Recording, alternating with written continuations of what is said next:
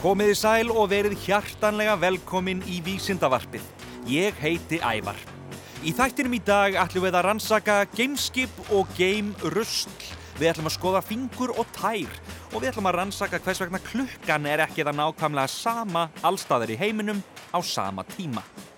Allt það sem við fræðumst um í dag byrjaði sem spurning á Vísindavef Háskóla Íslands, vísindavefur.is en ef þú heimsækir þá góðu vefsíðu þá getur þú sendt inn þína eigin spurningu.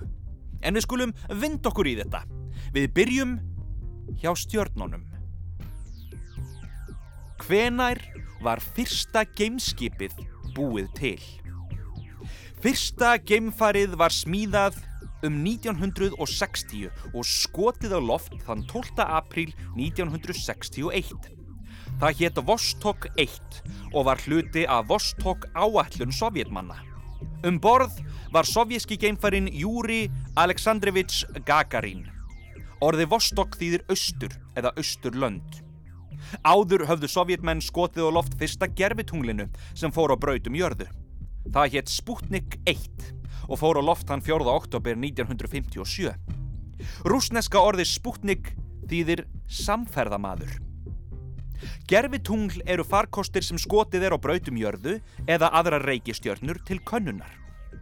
Júri Gagarin var ekki fyrsti jarðarbúin sem fór í geimferð því tíkin Laika var um borð í Sputnik 2 sem fór á loft 3. november 1957. Sputnik 2 komst á brautum jörðu í yfir 3000 km hæð en óvist er hversu langt tíkin Laika fór í raun og veru því hún dó á leiðinni. Sovjetmenn sögðu á sínum tíma að tíkin hefði lifað nógu lengi til að fara nokkra ringi í kringum jörðina. En síðari rannsóknir benda til þess að auðmingja Laika hafi drepist vegna ofhittnunar og hræðslu skömmu eftir flugtak. Og talandum geiminn Hefur rusl sem er á brautum jörðu einhver áhrif á lofthjúpin í framtíðinni? Rusl sem er á brautum jörðu ætti ekki hafa neinn áhrif á lofthjúpin. Rusl sem fellur til jarðar brennur yfirleitt upp í lofthjúpnum en það getur auðveitlega valdið hættu ef það næra falla alla leið niður. Geimferjum stafar hins vegar nokkur hætta af geimrusli. Á brautum jörðu eru nefnilega meira en 2 miljón kíló af geimrusli úr fyrri geimferðum eins og til dæmis skrúfur, boltar, verkfæri og brot úr ónýtum gerfitunglum. Talið er að umhverfisjörðina sé að minnstakosti 110.000 stykki af rusli sem er meir en 1 cm að stærð. Rusli ferðast á miklum hraða um 25.000 km á klukkustund og allt upp í 36.000 km á klukkustund og umferðartímin um jörð er í kringum 90 mínútur. Árekstur geimferju við geimrusl getur verið mjög hættulegur. Elsta geimruslið er gerfitunglið Vanguard 1 sem bandaríkjaman senda á brautum jörðu árið 1958. Mesta geimruslið úr einni geimflög er hins vegar úr Pegasus eldflög sem skotið var á loft 1994. Eldflögin tvístræðist tveimur árum setna og myndaði þá að minnstakosti 300.000 brot sem eru stærri en 4 mm. Rusli í geimnum fækkar mjög hægt því að meðaltali brenna aðeins um 100 stykki af þekktu rusli upp á hverju ári í lofthjúpnum. Og enn meira um geiminn. Er líf á plánetum í öðrum sólkerfum og sama hvert svarið er, er hægt að sanna það? Þetta er svolítið góð spurning. Það er algengur miskilingur að sannanir séu mikið notaðar í vísindum. Hins vegar er það svo í raun að sannanir eru engöngu notaðar í starffræði. Við getum sannað að hortnasumma í venjulegum þrýhyrningi sé 180 gráður og að frumtölunar séu óendanlega margar en við getum ekki sannað að orka varðveitist alltaf nýja heldur að allir svanir séu hvítir. Enda eru þeir það ekki samkvæmt nútíma þekkingu en í gamla daga þá heldur Evrópumenn að svo væri. Þegar við skoðum slík atriði sem við teljum háð reynslu getum við í hæsta lagi vænst þess að færa sönnur á þau sannreina þau eða eitthvað slíkt. Sankant því sem við vitum best nú á dögum er ekkert því til fyrirstöðu að líf geti verið í öðrum sólkerfum. Þegar við leitum að lífi út í geimnum, þá miðum við leitina við líf sem er eitthvað svipað því sem við þekkjum hérna á jörðinni. Það er auðvitað sjálfsögð og væntanlega skilvirk aðferð því allir vita hver erfitt er að leita að einhverju en maður veit mjög lítið um það. Fyrsta skrefið í leit að slíku lífi er að finna reykistjörnur í öðrum sólkerfum. Þær hafa verið að finnast síðan um 1990 í aðtugunum sem gerðar eru með fullkomlustu tækjum stjartvísindana. Upplýsingarnar sem menn hafa aflað um þessar fjarlægu reykistjörnur eru yfirleitt rýrar og ofullkomnar. Þó getum við sagt um flestar þeirra að ekki sé líklegt að finna þar líf. Til dæmis að því að þær séu þungar eða of langt frá sólstjörninni þannig að það verði of kallt til að líf geti þrifist. Hins vegar hafa nú þegar fundist nokkrar þar sem slík einföld skilirði útiloka ekki líf og menn halda stöðugt áfram að leita. Eins og margir vita er varkárni eitt einkenni vísindana. Gætnir vísindamenn myndu því segja að eh, spurningunni um líf utan sólkerfisins verði á þessari stundu hvorki svarað með jái eða neyi. Svarið nei verður trúlega aldrei sannfærandi að því að það eru gríðarlega margar sólstjörnur í alheiminum og menn munu alltaf geta haldið áfram að leita að lífi í kringum þær. Svarið já getur hins vegar orðið trúverðugt ef menn finna ykkur tíman óyggjandi sönnur á því að líf sé að finna á tilteknum stað. Af hverju erum við með tíu tær og tíu fingur? Góð spurning. Væntanlega hafa flestir einhver tíman litið á hendurnar á sér eða fæturna og velti fyrir sér af hverju tærnar eru tíu og fingurnir líka. Af hverju eru við ekki með tólf tær eða átta fingur? Ef litið er til hinna ímsu ryggdýra þá er táafjöldi þeirra mjög breytilegur. Meira segja hjá öpum. Hinn er svokulluðu hærri apar, það er tegundir sem tilheyra ættinni hominidae, hafa hins vegar allar tíu tær og tíu fingur. Fjórtæðar hryggdýra tegundir eru til að mynda fugglar og froskdýr. Kettir og hundar hafa fjórar tær á afturfótum, einnig flest önnur landrándýr. Þrítæðar Spendýrategundir eru til dæmis nasirningar og tvítæðir einstaklingar eru þekktir meðal spendýra eins og til dæmis söðfje, dádýr og nautgripir og svo strútar meðal fuggla. Loks má nefna eintæðar tegundir með eina tá, eina einustu tá eins og til dæmis hesta. Við vitum að tám hjá hestum hefur færið fækandi í þróunarsögunni. Miohippus var forfaðir nútíma hrossa og lifði fyrir um 36 miljónum ára. Hann hafði þrjár tær en eitthvað ollið við á langri vegferð í áttil nútíma hrossa þá fækkaði þeim. Hestar hafa aðeins eina tá á hverjum fæti og við köllum þær hófa. Um okkur mennina er það að segja að talan 5 á hverjum útlim gæti verið eins konar þróunar fræðileg tilviljun eða að fimm tær og fingur séu tilkomnir vegna náttúruvals sem beindist meðal annars að einhverju leiti að þróun gripsins hjá öpum. Þetta veit enginn fyrir víst, en kunnur þróunarfræðingur sagði að fimm fingur og fimm tær væri kvorki of mikið, nje of lítið. Hvers vegna er tíminn mismunandi eftir löndum? Einfalda svarið við þessu er á þá leið að við viljum í grófum dráttum miða tíman á hverjum stað við sólargangin. Þannig að klukkan sé um það byrj 12 þegar sól er hæst á lofti. Vegna kúlulögunar jarðar gerist þetta á mismunandi tímum eftir stöðum. En þó að þessu sé svarað til getum við haldið áfram að spyrja. Hvers vegna viljum við endilega hafa þetta svona? Akkuru kjósum við ekki bara að hafa sama tíma yfir alla jörðina? Miða við lífshætti nútímans gæti það haft marga kosti og því er svarið við spurningunni ef til vill ekki augljóst þegar grant er skoðað. Til að fá djúptækara svar þurfum við að líta yfir ákveðina þætti í sögum mannkinsins. Fyrir dagatækninar var mönnum langeðlilegast að nota sólina til að mæla tíman og fylgjast með honum yfir daginn. Út frá því fóru menn til dæmis að tala um hádegi þegar sólinn er hæst á himni og jafnframt í suðri. Tilteknar þjóðir, engum babilóniumenn, urðu fyrstar til að skipta deginum nánar í tímabil og þar komst svo hefð á að skipta sólarhengnum í 24 stundir eins og við þekkjum.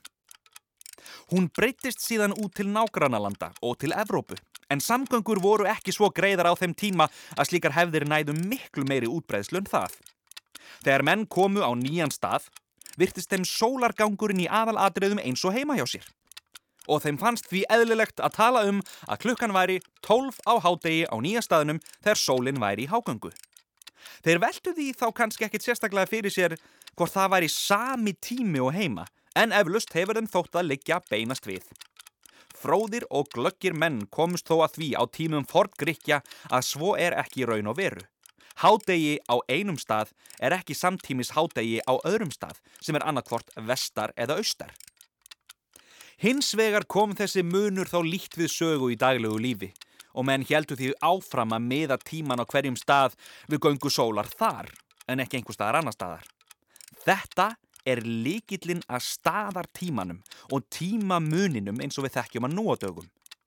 Glöggir menn notuðu sér munin á staðartíma ásand fleiru til að draga álíktanir um lögun jarðarinnar og jáfnvel stærð og síðar um afstöðu einstakra staða. Menn skoðuðu þá atburði sem sjást frá stórum svæðum á jörðinni eins og til dæmis sólmyrkva eða tunglmyrkva. Þegar gögn frá mismunandi stöðum eru borin saman sést að staðartími þessara atburða er mismunandi og munurinn er í réttu hlutfalli við munin á landfræðilegri lengt staðana. Flórens búinn og landkönnuðurinn Amerigo Vespucci sem Amerika er kend við, notaði til dæmis aðtuganir á tunglmyrkva til að ákvarða landfræðilega lengt Suður Ameríku skömm eftir aldamótin 1500 og síndi þar með fram á að menn hefðu fundið nýja heimsólfu en ekki nýja leið til Östur Asju eins og Kolumbus helt.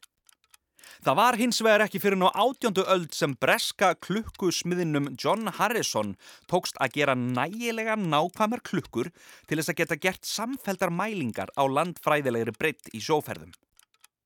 Eftir það hefði verið hugsanlegt að ákveða að hafa sama tíman allstáður á jörðinni og ennfrekar eftir að hvers konar þráðlös fjarskipti komið til sögunar á 20. öld. En það var ekki gert og þess vegna sitjum við uppi með flækjur, staðartíma og tímabelta sem í raun hafa íms og kosti og eru líka svo litið skemmtilegar. Næsta spurning. Af hverju er snjórin kvítur?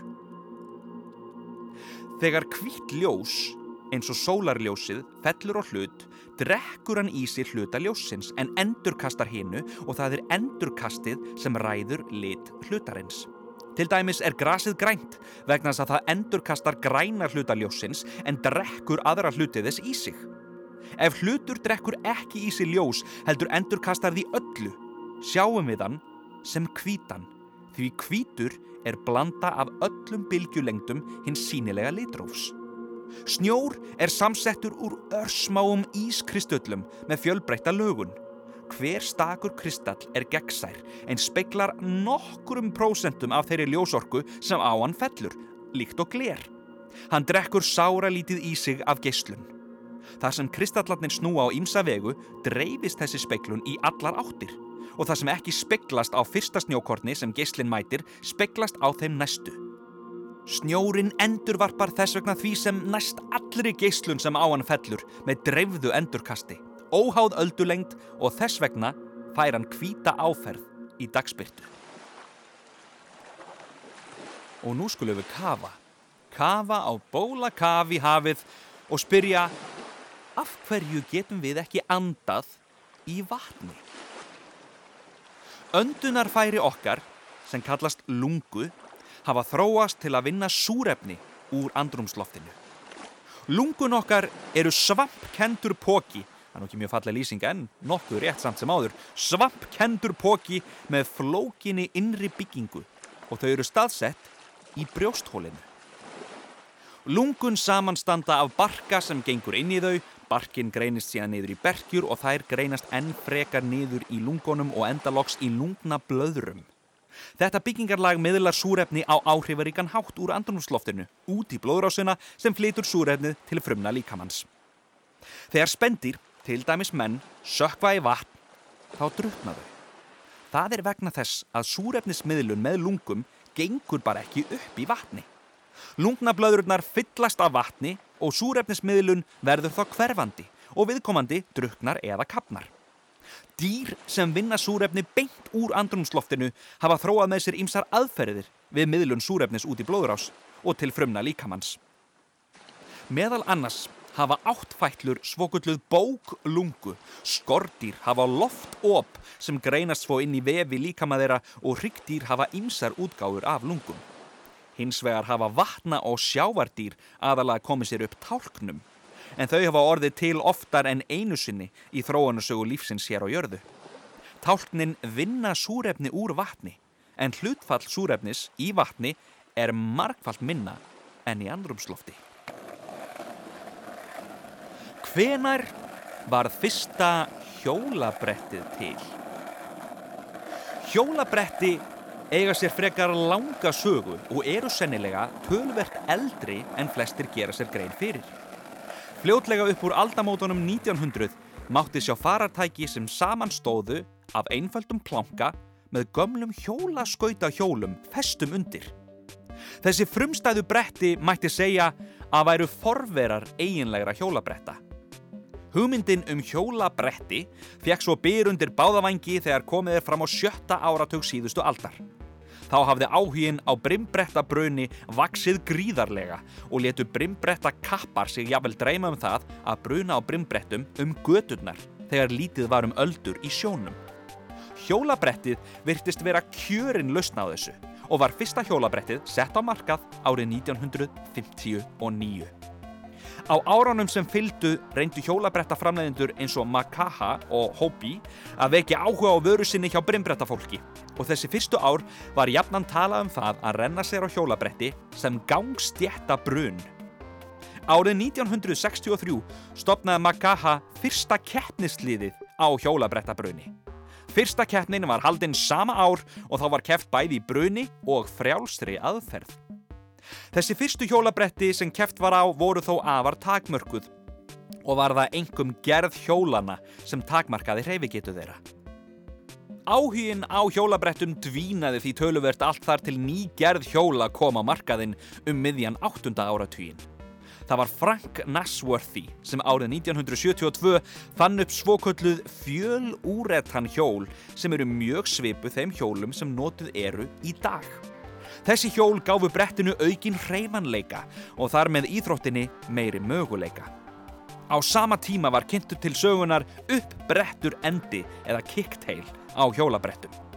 Þessi einfalda breyting á byggingu brettana umbylti hreyfugita þeirra og gerði ímsa loftfimleika mögulega sem áður höfðu verið fjarlægur draumur, svo sem að Olla.